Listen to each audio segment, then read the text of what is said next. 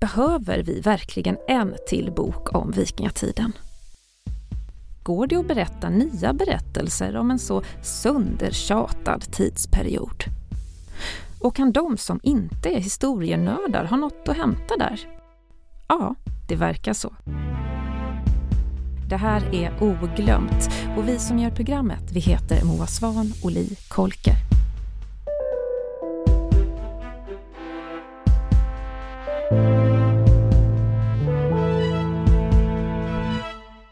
Anna Lihammer och Ted Hesselbom har skrivit en bok om vikingar tillsammans.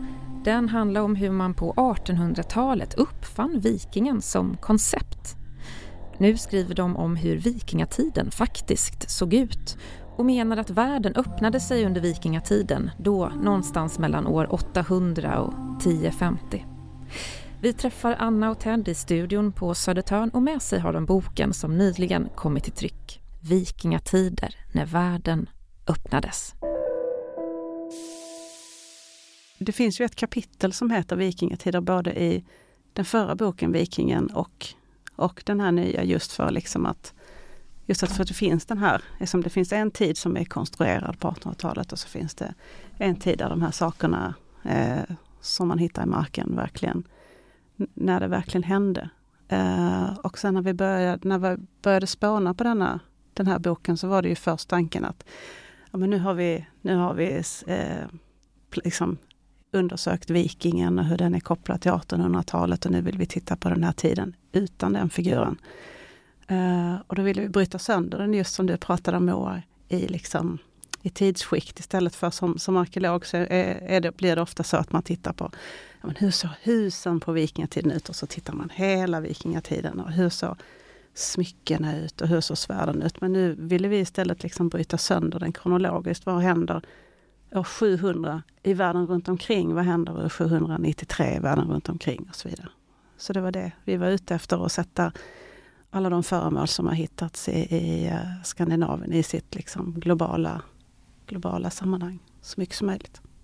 Får mig att tänka på ett sånt här trendigt akademiskt begrepp, samtidigheter. För några år sedan så hade Nordiska museet en utställning som hette Meanwhile tror jag eh, som var just det perspektivet att titta på vad som hände samtidigt i olika delar av världen. Och jag gillade verkligen det för det gav en helt annan förståelse än när vi tittar utifrån en nation som vi ofta gör eller utifrån en världsdel om vi har tur så att säga.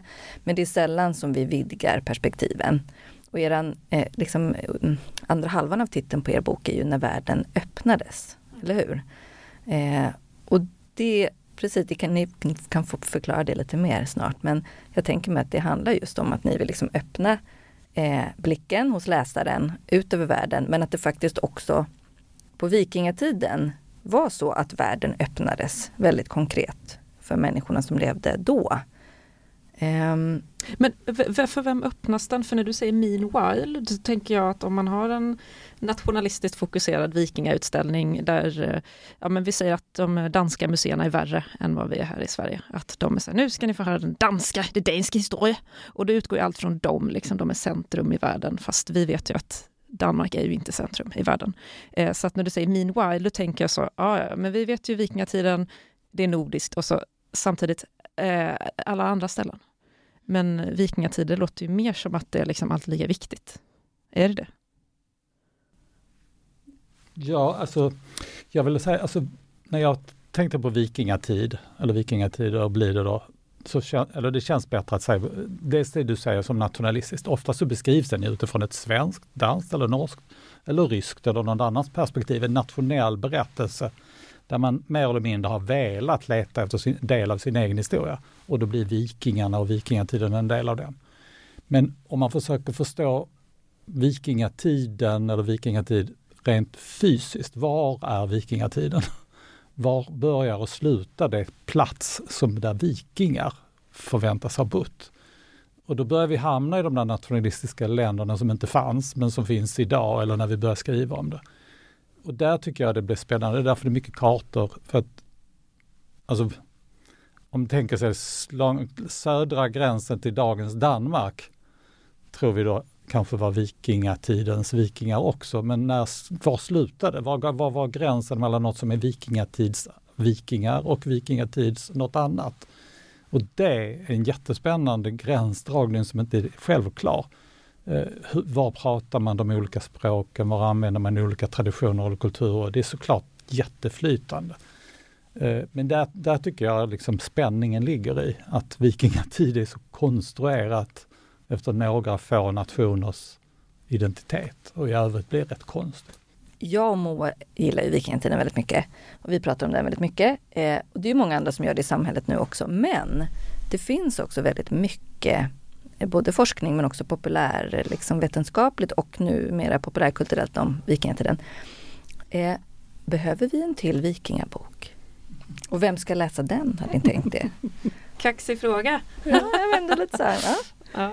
Ja. Vad tänker ni? Eh, nej men det, det tycker ju vi såklart eftersom vi har skrivit en ny vikingatidsbok. Eh, men, men, när vi skrev den här så tänkte jag att vi ville liksom uppdatera vikingatiden. Eh, man kan diskutera om ens vikingatiden är ett bra namn eftersom det är så konstruerat men det är också ganska inarbetat. Liksom. Men, eh, jag tycker det har kommit, dels har det kommit oerhört mycket spännande ny, ny forskning ganska nyligen, inte minst det som man har gjort i Danmark och, och, i de här projekten kring RIB och så som är liksom... Alltså vi vet ju givetvis ja. de här projekten du pratar om i Danmark, men för alla andra vill du berätta vad det är för, för projekt? Precis. Eh, nej men i de här projekten så har man, eh, man har liksom med, gjort, jätte, tycker jag, jättehäftiga, eh, jättemycket analyser som har visat eh, eh, liksom mikroskiften i utvecklingen. Eh, vi har ett, ett eh, ett kapitel handlar om de här pärlorna som man har hittat. Eh, ehm, så har man sett att det skedde en, en massiv solstorm precis då som har påverkat eh, möjligheten att datera med Karl 14. Så du kan liksom under det här skiktet i, i utvecklingen så kan man få enormt precisa dateringar. Man kan se väldigt, ganska exakt när kommer den här pärltypen och när kommer den här pärltypen. Vilken tidsperiod är det då, då vi pratar om? Ja men det är, eh, det, jag tror den här solstormen var den 775. Där tycker jag ett sånt här exempel är de här, de här eh, pärlorna som har tillverkats i Ribe i början av 700-talet. Som är ett jättehäftigt eh, exempel där Först ser man att de är ganska oansenliga och blå och små och sådär. Man kan se att ja, men de har hittats allra först i Ribe, där har man förmodligen tillverkat dem och sen lite runt Östersjön. Men deras, ska man säga, tidigare historia är ju egentligen ännu häftigare. att Någon gång eh, under romarriket så har man tillverkat glasmosaik, kanske i Egypten eller kring Medelhavet, som har fraktats upp till Germanien, som den eh, romerska republiken hette då, där man har använt den här glasmosaiken för att bygga liksom flashiga eh, romerska villor under romarriket. Sen försvinner, försvinner romarriket, villorna börjar förfalla. Och vid den här tiden börjar man använda dem som gruvor nästan och hämtar det här materialet. Man tar den här glasmusiken, hackar sönder den, smälter samman den till klumpar, forslar upp den till Ribe och där tillverkar man de här pärlorna. Så det är liksom en sån jättemärklig, lång historia om saker, saker och platser som hör samman. Wow, det var jättehäftigt. Det är jättehäftigt och det är de här liksom oerhört precisa analyserna som man har gjort som har kunnat visa det. Uh, en annan sån som jag också tycker är jättehäftig, det är det de har gjort med mynten. För att under vikingatiden så har man hittat kanske 100 000 eh, Tidigare så kallade man det islamiska mynt, nu brukar man säga dirhemer i, i Nordeuropa och Skandinavien. Bara det är ju häftigt om man har kunnat se att de kommer från Bagdad och Teheran, det var de vanligaste myntningsorterna. Men när man nu har analyserat silvret i dem så kan man se att ja, men, silvret har inte hämtats från Bagdad eller Teheran, utan det kommer från Himalaya eller Afrika eller liksom Kina och då växer de här nätverken och över världen på ett häftigt sätt. Just det, världen öppnas verkligen mm. och blir liksom eh, större eller vad ska man mm. säga. Ja. Men kan man då sätta likhetstecken ifrån liksom att eh, material färdas världen över till att också människor har gjort det? Alltså, någon måste ha färdats. Någon måste ha rest. är det liksom några få som reser runt med de här pärlorna och silvret eller är det liksom är det en öppen värld där vem som helst kunde resa, vad tror man om det? För det blir jag nyfiken på då, liksom, om man tänker sig en tid före nationsgränserna. Det är lätt mm. att få sådana utopitankar. När världen var öppen och fri och så vidare. Nej men det är väl lite olika och vi brukar säga att, att under vikingatiden så är det någon sorts lucka i tiden där det är ovanligt möjligt att resa. Därför är det lite lugn och ordning och det bygger på kalifaten som stabiliserar stora riken som håller ihop. Precis som det hade varit under romarriket en lång period där man kunde frakt, färdas inom, inom stora områden utan att det var farligt. Och det är en liknande situation under det som vi kallar vikingatid som gör att det är lättare att resa. Eh, och det gör ju också att väldigt många människor reser på olika sätt. Det är ju såklart de som vill härja, röva och skaffa sig snabba pengar och de är oftast en sorts medelklass, överklass. Överklassen reser. Men 50% kanske ännu mer av de som reser är ju ofrivilliga resande slavar eller, och blir förslavade under vägen.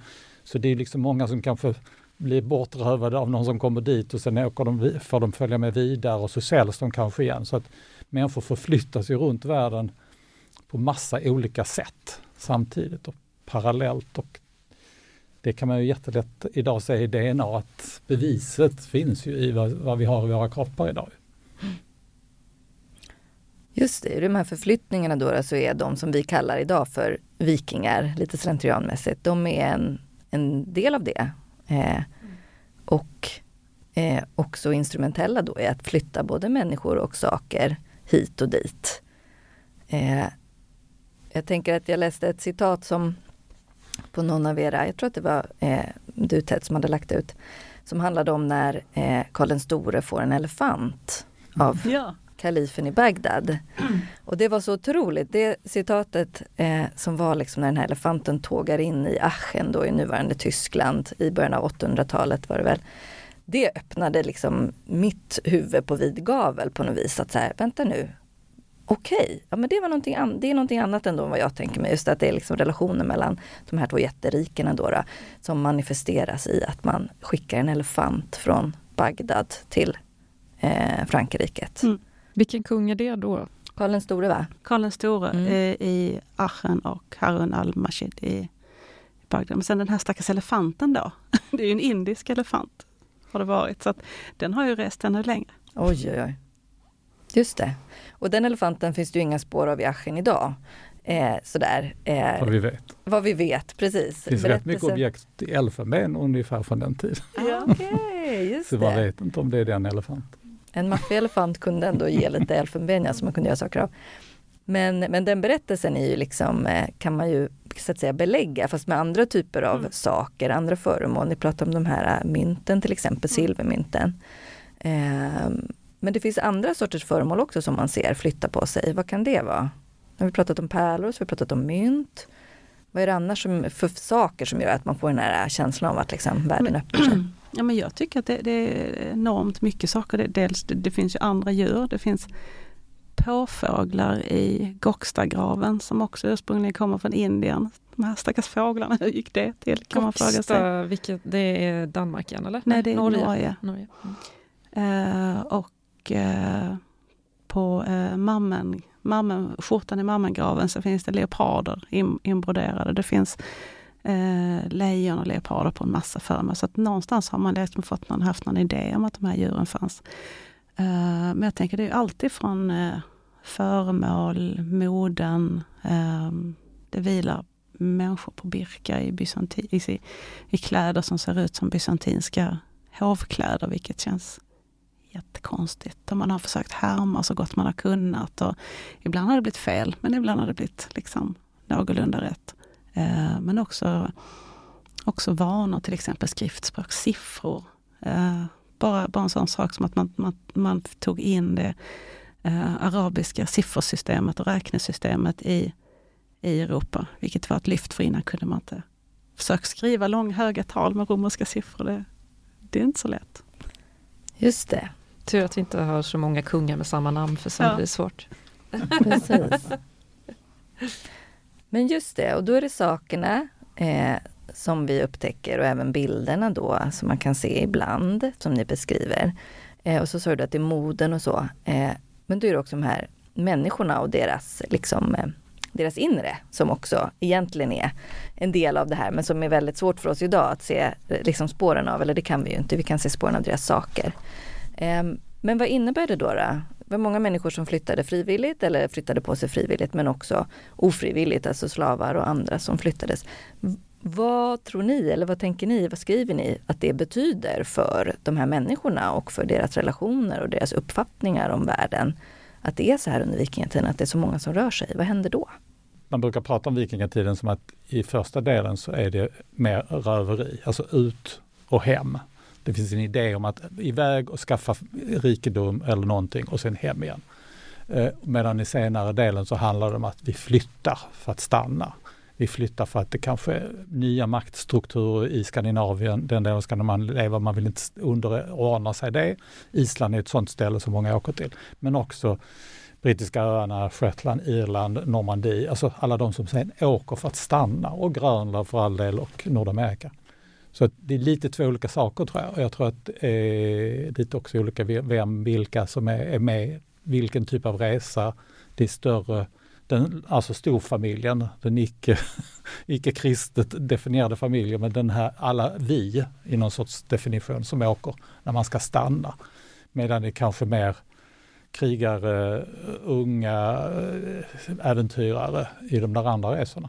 Och det påverkar givetvis vad det blir för effekt och resultat i historieberättandet. Men har ni någon sån eh, berättelse som, som ni tycker har fått för lite uppmärksamhet? Ja, men jag, jag tycker nog att just det här liksom att eh, alltså, om, om man nu vill kalla det världen öppnades eller världen vidgades. Liksom. Dels att det var varmare än vad det har varit.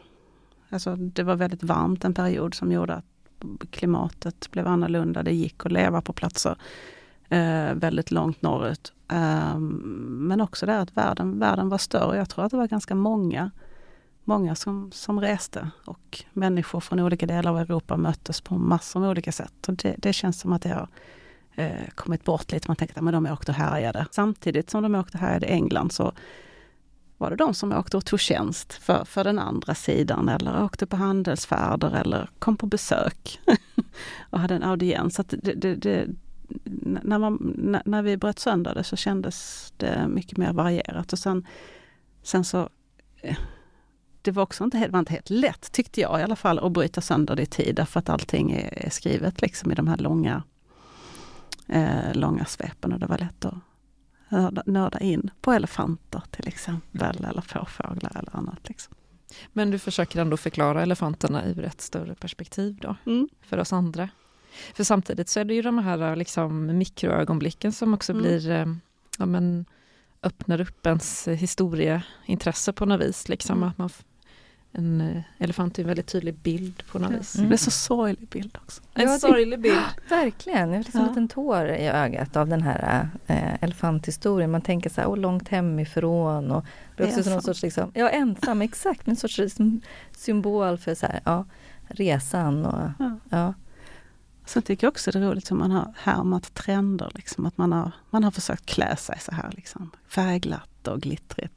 Det som brukar kallas treflikiga spännen, det tycker jag är nästan är en av de roliga, alltså det, det, är också en jätterolig historia att, att det är nästan en standarddel i den vikingatida kvinnliga skandinaviska dräkten. Liksom. Fast, fast det var ju ett sånt här, eh, någonting som eh, manliga aristokrater i Frankrike hade för att fördela remmarna i, i de remmarna som höll fast svärdsskidan. Liksom. Så någon gång har de kommit hit och blivit någonting annat. Liksom. Just det, då får man en glimt av hur människor kan resonera, ja. eller hur, det, hur vi funkar liksom som människor. Då kommer någon, någon tjej där och tänker, åh den här oh, kan ta som smycke. Precis, den ja. här snygg. Eller, har du inget med dig hem till mig? jo visst! Ja, just det, precis. Varsågod, det är det trendigaste möjliga den här, där på eh, kontinenten. Smycke. Ja. Tänkte snabbt liksom. Men då kommer jag lite tillbaka till en fråga som jag, äh, lite i början, så här, vem eh, vem är det som ska läsa boken eller vem vill ni ska läsa boken? Jag tänker att säga det, för det här är då delvis andra berättelser än de som vi är vana vid att berätta om vikingatiden. Vem är det som ska vilja läsa den? Vem har ni skrivit den för? Tänk, ja, men jag tänker att den är skriven för, för alla som är intresserade av, av historia. Och få sin, sin egen bild eh, vidgad eller få veta mer, mer än man visste förut. Kanske. Den är skriven för oss, Li. Ja, jag känner att verkligen Bara för mig. Men det är ju en unik konstig tid eftersom den är definierad av två exakta tidpunkter och de händer i England men det förväntas handla om Skandinavien. Så att det är jättemycket 1800-talshistoria bakom det som jag tycker man måste, man måste liksom studsa till i 1800-talet innan man pratar om och tänker på historia längre tillbaka. För vi har så mycket lager därifrån, som, som eller filter, ska säga, som, som påverkar vår, vårt sätt att försöka se det som hände innan. Och det tycker jag är en jätteviktig där, mm. del i det här. Och det är i med vår första bok är liksom en sorts, nu rensar vi filtret, nu ser, vad ser vi då? Liksom. Och jag tycker den här elefant, som jag gärna vill gå tillbaka till, själva resan, det finns ju en beskrivning hur de reser med elefanten. Och den beskriver ju också eh, var man kan resa för att där är man i fred och var man inte kan resa för de är fiender och så vidare. Där någon skulle, i Bysans, var, de åkte inte igenom Bysans för det hade varit en jätteseger för Bysans då att sno den här elefanten mitt framför näsan på, på eh, Frankrike. Så att Därför att i Frankrike försöker man låtsas att det är de som egentligen är den nya romare, romar, romerska se, kungen eller kejsaren. Medan man, by, Bysans är ju fortfarande någon sorts romarriket. Ju. Västrom kallas det ibland. Och alla de här lagorna är ju inte på något sätt en skandinavisk befolkning bortom eller utanför. De är helt och hållet integrerade i hela de här processerna. Det tycker jag är den viktigaste. Mm. Liksom, det är därför det blir kul och spännande att läsa om det här och bli duktig på vikingatiden för att den, det är liksom en, det är ett sorts, i alla fall för mig som inte är arkeolog så har det här varit en tid som, som jag inte kan så mycket. Det är liksom allt det där som hände precis innan medeltiden är inte riktigt med. Nu, jag tycker att man mm. knyter ihop det här med modern historia på det här sättet. Mm. Då är ändå medeltiden allt det där som hände innan samtidshistorien, ja. 1800-talet, 1900-talet. Ja. Nej, men jag, jag tänker också vikingatiden, den, den, den har ju liksom som tid, den blir ju så konstig för att den är Dels är den konstruerad mellan två händelser då, 793 och 1066, som kanske inte hade någon som helst betydelse för, för de flesta människorna. Och sen har man ju också stängt in den i en, i en ram, alltså i en nationell ram i de flesta, de flesta länder som inte heller hade någon som helst relevans för den tiden. Så att den är liksom dubbelt instängd. Så att jag tyckte det var skönt att öppna upp lite. Mm. Men när, när du då säger vikingatiden, vad är skillnaden på det och vikingatider? Det kan man fråga sig. Det kan man. det var inget svar. Ja. Men, men inget, ingenting heter ju vikingatider med vår bok och det, vi, vill ju, vi vill ju sätta igång frågor som ni gör ja. ju. Det fanns ju ingenting som hette vikingatid innan 1873. Liksom. Just det, vi har faktiskt ett sånt eh, datum på ja, det. Mm. Då föddes den. Ja men även om eh, det är liksom någonting som, som vi vet nu, för vi har ju läst er bok, men eh, det är väldigt svårt att inte säga vikingen och mm. ja, när kom vikingen dit då? Alltså jag menar, det fanns ju såklart ingen viking, men ni fattar vad jag menar. Vad hade vi vikingarna på bara, sig? Vi försöker ju helt konsekvent säga skandinaver mm. i boken. Okay. För mm. att försöka komma runt det där begreppet. Men det är inte jättelätt. Men jag håller med, det fattas ord. Liksom. Ja, för att en del är ju väldigt konsekventa med så här, att inte ta vikingatid i sin mun utan så här, mm. järnålder. Mm. Eh, och då tänker jag det blir väldigt svårt när man ska prata med, med andra människor. så, sådär. Ja, alltså, det ni förstår som vikingatid, det blir så ja, ja, ja. ja. Järnålder är ju lite abstrakt. Ja. Men vikingatid, ja, det har vi sett på tv. Så verkligheten är ju mycket mer komplex då än vad man mm. eh, tänker sig eller vill tänka sig kanske. Mm. Och det är ju mycket svårare att berätta om eh, ofta. Och inte lika jag. roligt kanske? Nej precis, man kan lätt hamna i det här å ena sidan och andra ja, sidan och så, så står någon där eh, och tänker vad är det jag egentligen har fått lära mig nu eller veta om, om den här tiden eller de här människorna. Um, men jag tänker ändå, för ni vill att alla ska läsa den här boken och då behöver ni ju ändå tänka just att men, det kanske behöver finnas mm. både enkla och svåra eller liksom självklara eller komplicerade berättelser samtidigt. Mm. Hur får man ihop det då? Hur har ni, har ni tänkt där? Har ni tänkt att det är så att ja, men, i ett kapitel om man läser första delen då, då får man en liksom, liten överblick och sen kan man bläddra vidare eller hur, hur ser det ut? Men vi har nog försökt i alla kapitel så inleds de ju liksom med, med ett föremål eller en person eller en händelse eller en plats som Anna sa, alla börjar med ett årtal och en plats. Och I det här fallet 840 Bagdad och så en rubrik i världens modernaste stad. Det, det, är ju självklart att vi har menat att kittla nyfiken. Vad är det som är var, Varför är Bagdad världens modernaste stad 840? Jo, det vet vi och så berättar vi om det och så berättar vi hur eh, det finns kopplingar till skandinaver i det. Och alla kapitlen är ju så, och det är det som är så roligt tycker jag, det är som Paris, London, allt finns här. Allt som är spännande utifrån en nutidsmänniskas sätt att tänka och en del som alla känner till som kan om vikingar, det vill säga Oseberg eller andra viktiga liksom, eh, heter det, rester eller lämningar som vi känner till. Förutom eh, sådana som jag då som aldrig kommer ihåg de arkeologiska platserna, Mammen och Oseberg och äh, vilket var det nu igen? Jaha, som i tv-serien The Vikings. Ah, ja, det är Exakt. Vikings dessutom. Mm. Den, är det här som är Bagdad? Ja. Nej, för jag tänker att det arkeologiska upplägget är ju så mycket fokuserat kring fyndplats oftast. Mm. Eh, och jag menar, kliver jag in på ditt museum Li, så ser jag massa balla prylar, var de är mm. hittade mm. kanske inte sätter sig sådär mm. djupt mm. alltid, mm. förutom när man liksom får någonting väldigt inne, så här Birka-krigaren, liksom. ja men då sitter det ju i titeln. Eh, men annars så har jag lite svårt att just lägga fyndplatserna um, på minnet. Sådär. Men det är väl ganska bra ändå tycker jag. Då, för att jag tycker att det, det, är lite för mycket fokus på fyndplatser generellt och för lite fokus på var de kommer ifrån. Liksom. Ja, men hur skulle du vilja att det såg ut då? Uh, ja, men, det, det tänker jag också att det, det är en sån tanke som vi varit med om att just ja, men, om man inte fokuserar på var de är hittade för hela, hela Hela, alla museisamlingar är sorterade oftast från, från det, utan istället men var har de här tillverkats? För då, då får man ju världen på den här kartan eh, plötsligt på ett annat sätt. Och i det här kapitlet om Bagdad, jag, jag älskar det här citatet som eh, Harun al-Rashids pappa. och i den, eh, den här kalifen som skänker bort elefanten, hans pappa är den som grundade Bagdad. Eh, och han, han, han enligt då eh, de skriftliga källorna därifrån så ska han ha sagt Detta är Tigris. Härifrån finns det inga hinder mellan oss och Kina. Allt som fraktas över haven kan nå oss här. Och då tänker man att ja, men där har vi en nod som binder ihop Kina, Afrika, Bagdad och sen så har vi nästa nod som hakar i som binder ihop med, med Archen, Europa. Så, så att det um, jag älskar den här nätverkskänslan mm. när man förstår att hur, hur stort och hur många, hur, hur, över liksom vilka enorma avstånd mm. eh, man kunde nås. Just det, och det är också en, en bra påminnelse tänker jag eh, i vår tid att, eh, att eh, eh, han grundar Bagdad för att det är hans ögonvärldens mitt. Liksom. Mm. Det är dit alla vägar kommer gå. Eh, det är där allting kommer hända, mm. allt spännande. Mm. Allt utbyte, all kultur, civilisation. Mm. Det var liksom i Bagdad. Sen eh. råkade han ju av misstag välja en av världens varmaste platser också. Men mm. det, det var ju en otur. Precis. Det låg ändå bra till. Ja. Mm. Men jag gillar att ni har mycket så bilder och, och färgetryck. Det är liksom förlaget har ju inte snålat här ändå. Utan de har ju försett er med tjockt papper och eh, vi vill ha bilder, ja visst säger de.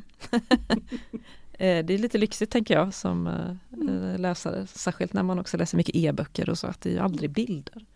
Man gillar ju bilder. Det är så, men det blir tvärtom, för vi trodde att den skulle bli ungefär som Vikingen, alltså svartvita bilder mm. och, mycket mer pocket i format.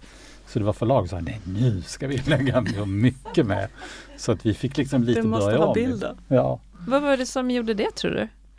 Ni liksom lockade förlagets intresse nu? Men jag tror att den första gick ganska bra. Ah. Okay. Så att de tänker nog att nej, nu ska nej. de... Nej, jag tror inte det, utan det var nog att...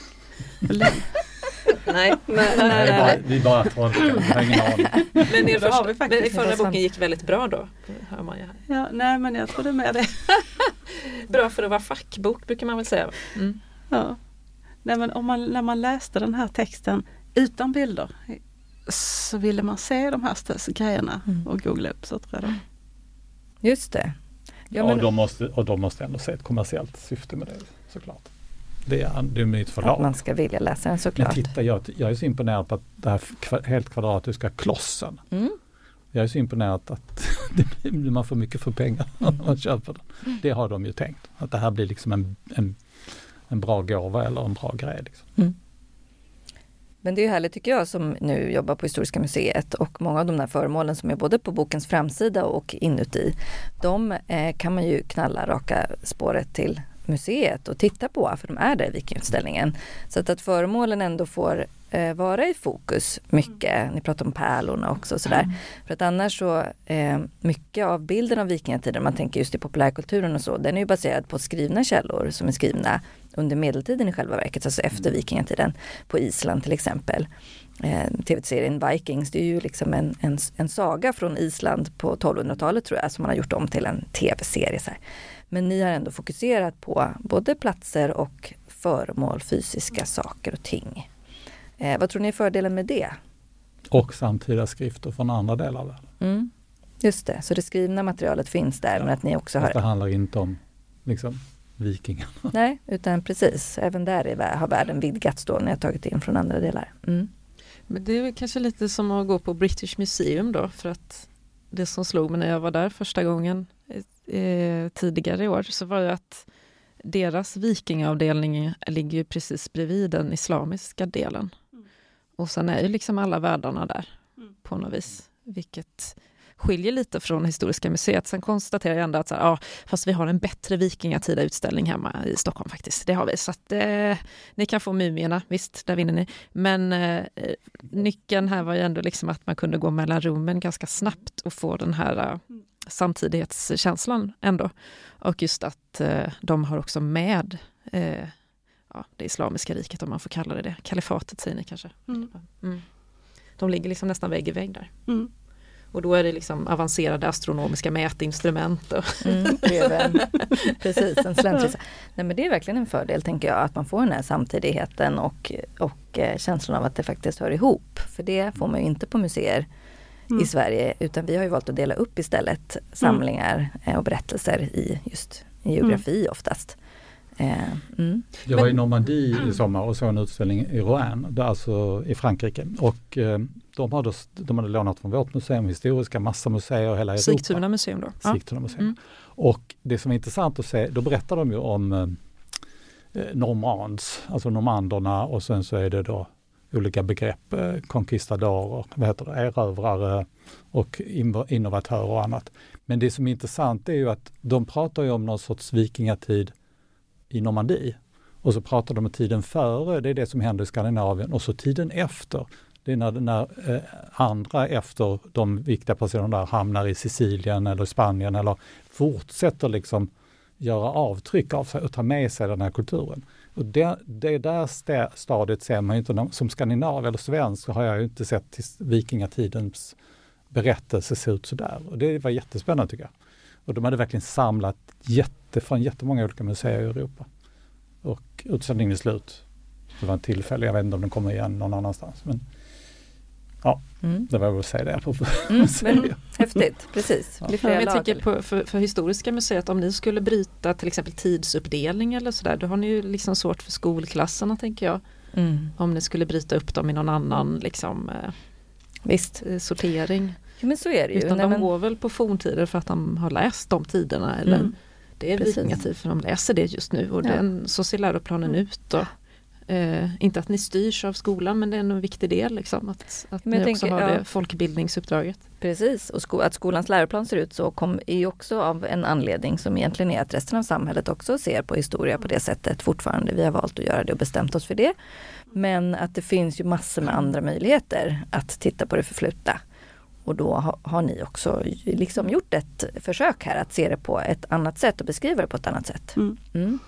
Men sen ville vi nog också göra liksom en, en bok som just hade ett arkeologiskt perspektiv och ta med att ja, men, här finns ett litet, litet föremål. Om vi börjar där så finns det en fantastisk historia eh, som ligger bakom det. Och konst, konstvetenskapliga perspektivet, vad blir ja. det då? det här ja, nej, men det finns ju, eh, min, min älsklingsdel i det här är ju verkligen, jag är, ju, jag har gått, jag är utbildad grafisk designer så typografi och text och bokstäver är min liksom passion. Och runor sägs ju vara någon sorts försök att kopiera de romanska bokstäverna. Och då måste man ju ha träffat dem för att göra kopior.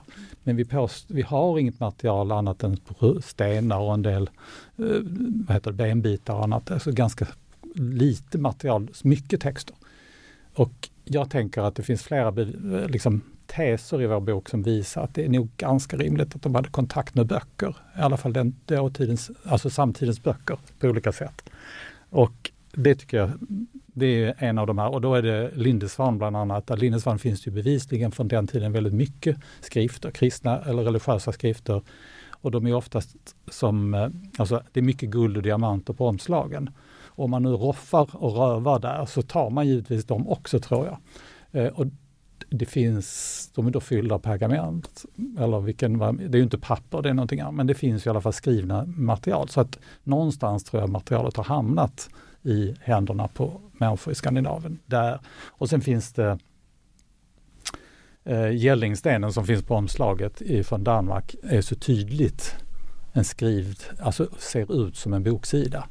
Och det finns flera runstenar också. Så det är min liksom, absoluta älsklingsresa här, att försöka. Det finns inga papper kvar, det finns inga pergament eller något skrivet material. I, men det finns eh, alltså sådana här skrivtavlor, där vi har skrivit i vax, har vi massor med. Eh, och vi har runstenarna och runorna. Så att, och vi, med tanke på de här runbenen där det är väldigt mycket vanliga banala budskap så tänker jag också att det kan vara också ganska brett vem som kunde skriva. Och alla de här små sakerna tillsammans så längtar jag efter någonsin, vi ska få se bevis för att de kunde skriva mycket. Tänk om vi hittar en skriftlig källa från Skandinavien. Ja, det vore väl coolt. Men det är också någonting som, tänk, som är liksom en del av civilisation, tänker jag. Det här med skrift och böcker och så. Eh, som liksom sorteras bort lite grann ofta eh, när det handlar om vikingatiden. Att man tänker att det inte har funnits och att man inte har känt igen eller liksom man har inte varit läskunnig i någon högre grad eller så. Men ni hävdar då eh, annorlunda. Vad, vad säger arkeologerna om det? Då? Vart skulle man hitta de här texterna? Är det en, en mosse någonstans i Danmark eller vad, vad snackar vi? Alltid i Danmark. ja, precis. Uh, nej men jag, jag tycker nu, nu ska jag liksom helt bara, nu, nu bara struntar jag i din fråga för nu kommer jag på något som jag ville säga. Kör nej men en annan sak som jag, ja precis, men det var för att jag, du har det kapitlet här uppe. Uh, för i Osebergsgraven till exempel så finns det en massa textilrester. Och så tänker man att ja, men där, där finns praktfulla textiler. Det är jätteroligt att visa att man har varit mäktig. Men sen om man då liksom nördar och tittar närmare så är det sådär, i Osebergsgraven så finns det mer än 15 stycken eh, fragment av 15 speci ganska speciella såhär, eh, som man brukar kalla kejserliga eller, eller liksom väldigt avancerade sidentyger med mönster och, och broderier. Och sådär. Och det var ju någonting som tillverkades, smugglades från Kina, den här tekniken, till Bysans och Konstantinopel. Och därifrån så var det absolut exportförbud. Om man inte man fick smuggla ut eller hade man tur så liksom kunde man få ut någonting. Och den typen av textilier de finns i de allra mest liksom, eh, ska man säga, rikaste katedralerna runt i Europa. Och 15 olika bitar finns i Osebergsgraven. Så hur har det gått till? Hur kan det hamna påfåglar i gokt? Alltså de här liksom märkligheterna som inte borde, inte borde kunna finnas. Eller som schacket, om man nu får prata om det. Vilket var schacket? Schacket. Men Osebergsgraven, det är den här äh, mäktiga skeppsgraven va? Ja, med två kvinnor i. Med två kvinnor. Uh, med ett vackert skepp. När, mm, ett fantastiskt skepp när Norge bräckte både Danmark och Sverige vem som hade de coolaste vikingafynden. Ja. Mm. Det är liksom, den är, den är på toppen. Mm. Det är svårt, svårbräckt. Det är svårbräckt ja. Nu är det ja. ännu mer svårbräckt. De här eh, ja. alltså, textilfragmenten har jag inte eh, hört talas om på det sättet som Nej. du beskriver nu. Det är ju helt otroligt. Ja, man tänker vad, vad har de här ingått i för miljöer? De, de här två tjejerna i graven kan ju inte haft något med det att göra tänker jag. Systrarna eller vad de kan ha varit. Mm. Annars är det en sån typisk sån queer-älskling liksom att ja. ja. men det var förmodligen ett par. Mm. Första ja. gayparet eller vad man tänker sig. Ja. ja. Nej det går inte att slå egyptierna såklart men ändå. Mm. Och var det det så hade de också fantastiska tyger. Ja. Supersnyggt klädda. Ja. Men vad hade de för frisyrer?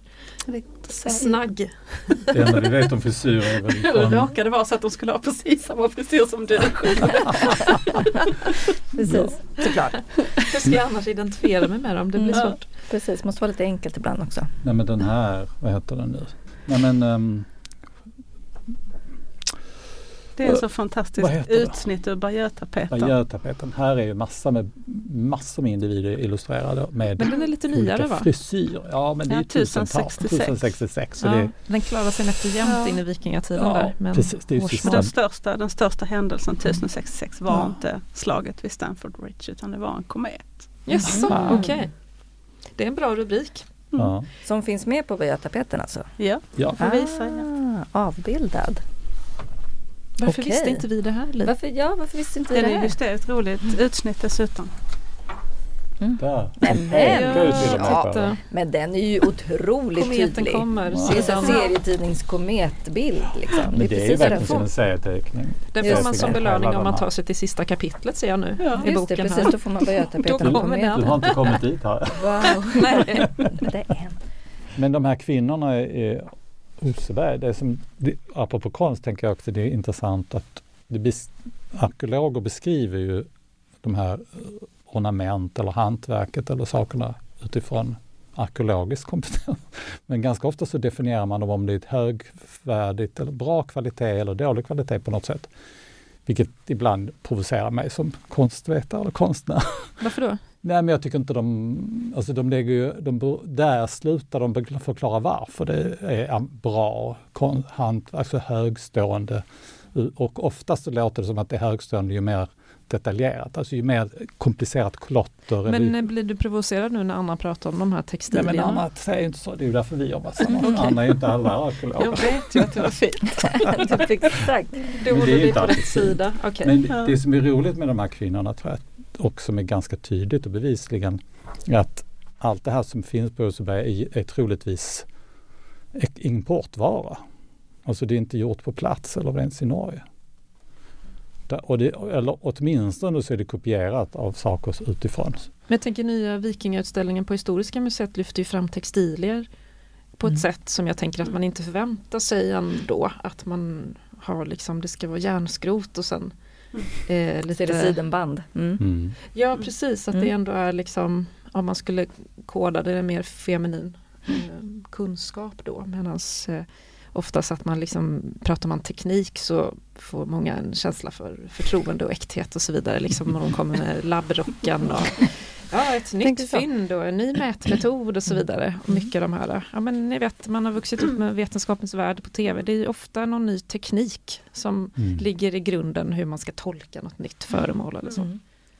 Ny Eh, teknik ger ny kunskap helt självklart. Men, eh, Fast det är ju en hel del av det som, alltså i och med att man kan, det här med solstormarna Mm. och de här lagren och DNA och så, Ja, det finns ju mycket vetenskap som gör att de nya det nya materialet och forskningsmaterial som vi har baserat oss på Mm.